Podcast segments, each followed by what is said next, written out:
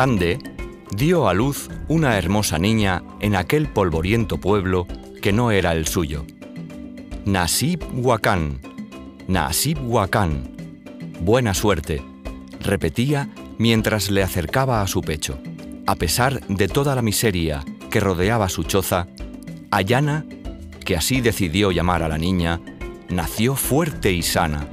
Tenía los ojos grandes y serenos y brillaban como el sol, la piel del color del chocolate con leche.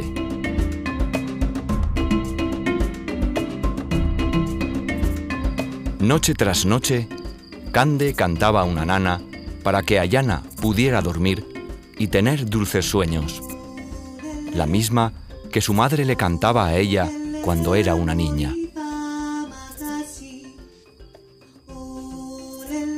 Permanecía a su lado durante horas contemplándola, acariciándole el pelo, protegiéndola.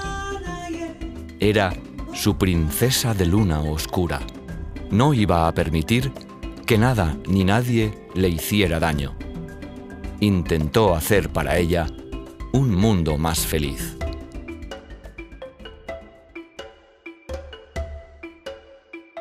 Cande dejó de ser niña muy pronto. Lo único que su padre le podía dejar era un marido. Con tan solo 11 años, la casó ante el fuego sagrado con un viejo de la aldea. Una boca menos que alimentar. Cada vez que Cande veía al que ahora era su esposo, se escondía.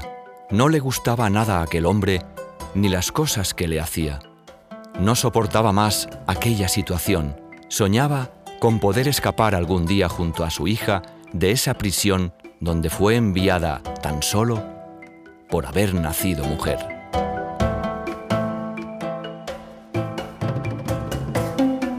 La suerte, o quizá el destino, quiso que la vida de aquel hombre se apagase rápidamente. A pesar de haber escapado del sufrimiento que aquel le causaba, lo cierto es que la muerte de su marido las dejó en la más absoluta miseria. Intentó regresar a su pueblo, pero su familia no podía permitirse alimentar a dos bocas más. Ahora, su sitio en la choza la ocupaba una de las vacas que entregó su marido como dote. La abandonaron a su suerte y se olvidaron de ella para siempre.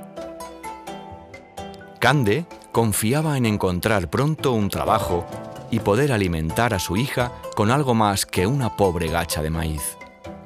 Pero la esperanza no hacía desaparecer el hambre. Así que decidió buscar un futuro mejor. La única salida que tenía, como la de tantos jóvenes, era embarcarse rumbo a la tierra de las oportunidades, hacia un mundo idílico, Europa.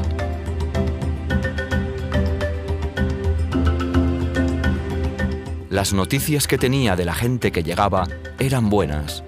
La gran mayoría encontraba trabajo.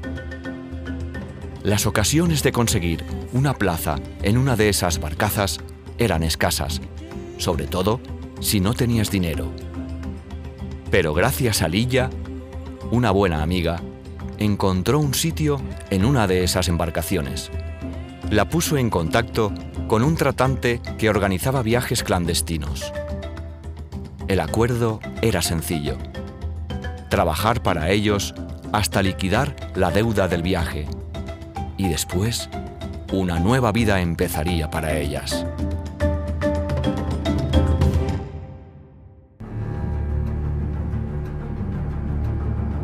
Con angustia y miedo, Cande se embarcó con Ayana junto a más de 100 personas. Se sentó al lado de un grupo de mujeres. Todas tenían detrás una historia de hambre y abusos. O llegas o mueres en el camino, le dijo una de ellas. Aquella noche, Cande soñó con serpientes, símbolo de la buena suerte y la fortuna, y se aferró con fuerza a aquella superstición. Nasib Huacán.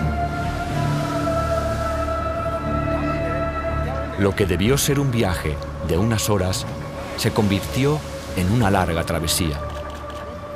Cande mantuvo a Ayana durante todo el tiempo apretada a su pecho. Las dos estaban empapadas. Ella estuvo las 12 horas que duró aquella odisea con los ojos cerrados por el miedo que tenía. No sabía nadar.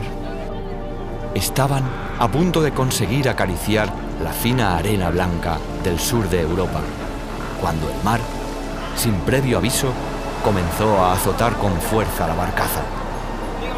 Peleas y empujones. La gente empezó a ponerse nerviosa.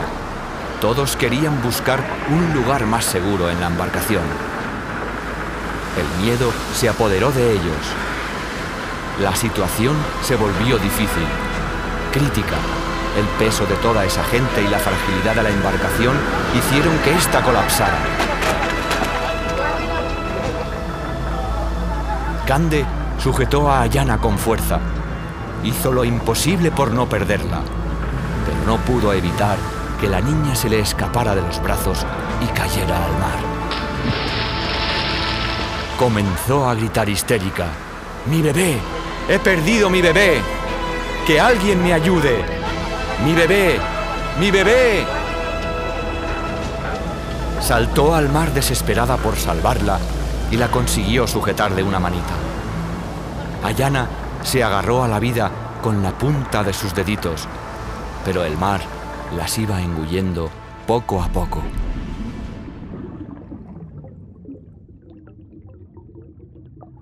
Cande comprendió que aquel viaje había llegado a su fin y logró, en un último esfuerzo, sujetarla fuertemente contra su pecho. Mientras se sumergían en el sueño eterno, Ayana escuchaba cómo en el corazón de su madre sonaba aquella nana, la que noche tras noche la hacía dormir.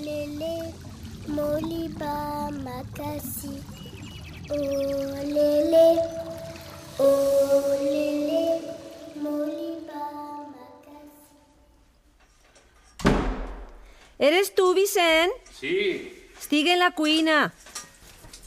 Che, que calenteta que estar aquí. Hauràs passat fred avui, eh? Uf, molt. Un grau marcava este matí a les 6 la farmàcia de Peris. Què hi ha per a dinar? Mondreguilles. Mmm, que bones. I el mando de la tele? Ahí, el tens al teu costat. Prou, no en poses més. M'he fet dos coques del forn de blanes per esmorzar i ara... Salvamento Marítimo ha encontrado esta mañana en alta mar los cuerpos sin vida de varios inmigrantes que viajaban en una patera que apareció volcada frente a las costas de Alicante. Entre las víctimas se encuentra una bebé de pocos meses. Ai, senyor, Angelet meu! Això no es pot consentir. Aguarda que fan res els governs per eixa pobre gent. No veus el que fan? Traure'ls de damunt els uns i els altres. Venen fugint de la misèria dels seus països i ja veus el que troben. En voluntat de veure les notícies, ai, pobro gent. És que tot el que donen són desgràcies. René, t'està sonant el telèfon. Hola, carinyet. Sí? Anava a cridar-te jo ara. No, no res. Per si veníeu el diumenge a dinar. Sí, dono. Dis-mo segur perquè he d'encarregar les segures. D'acord, ja no és menester dir-te més. El diumenge es veiem. Venen el diumenge? Sí. Passes tu per la carnisseria de germans Botella i així no és jo? D'acord. Quan te l'encomana? Yo creo que en sí... El 1 de noviembre de 1988, víspera del Día de Difuntos, se produjo el primer naufragio con muertos de una patera en España. Desde entonces, es algo que sucede con demasiada frecuencia. Tanta que hemos terminado por acostumbrarnos a la tragedia y al dolor.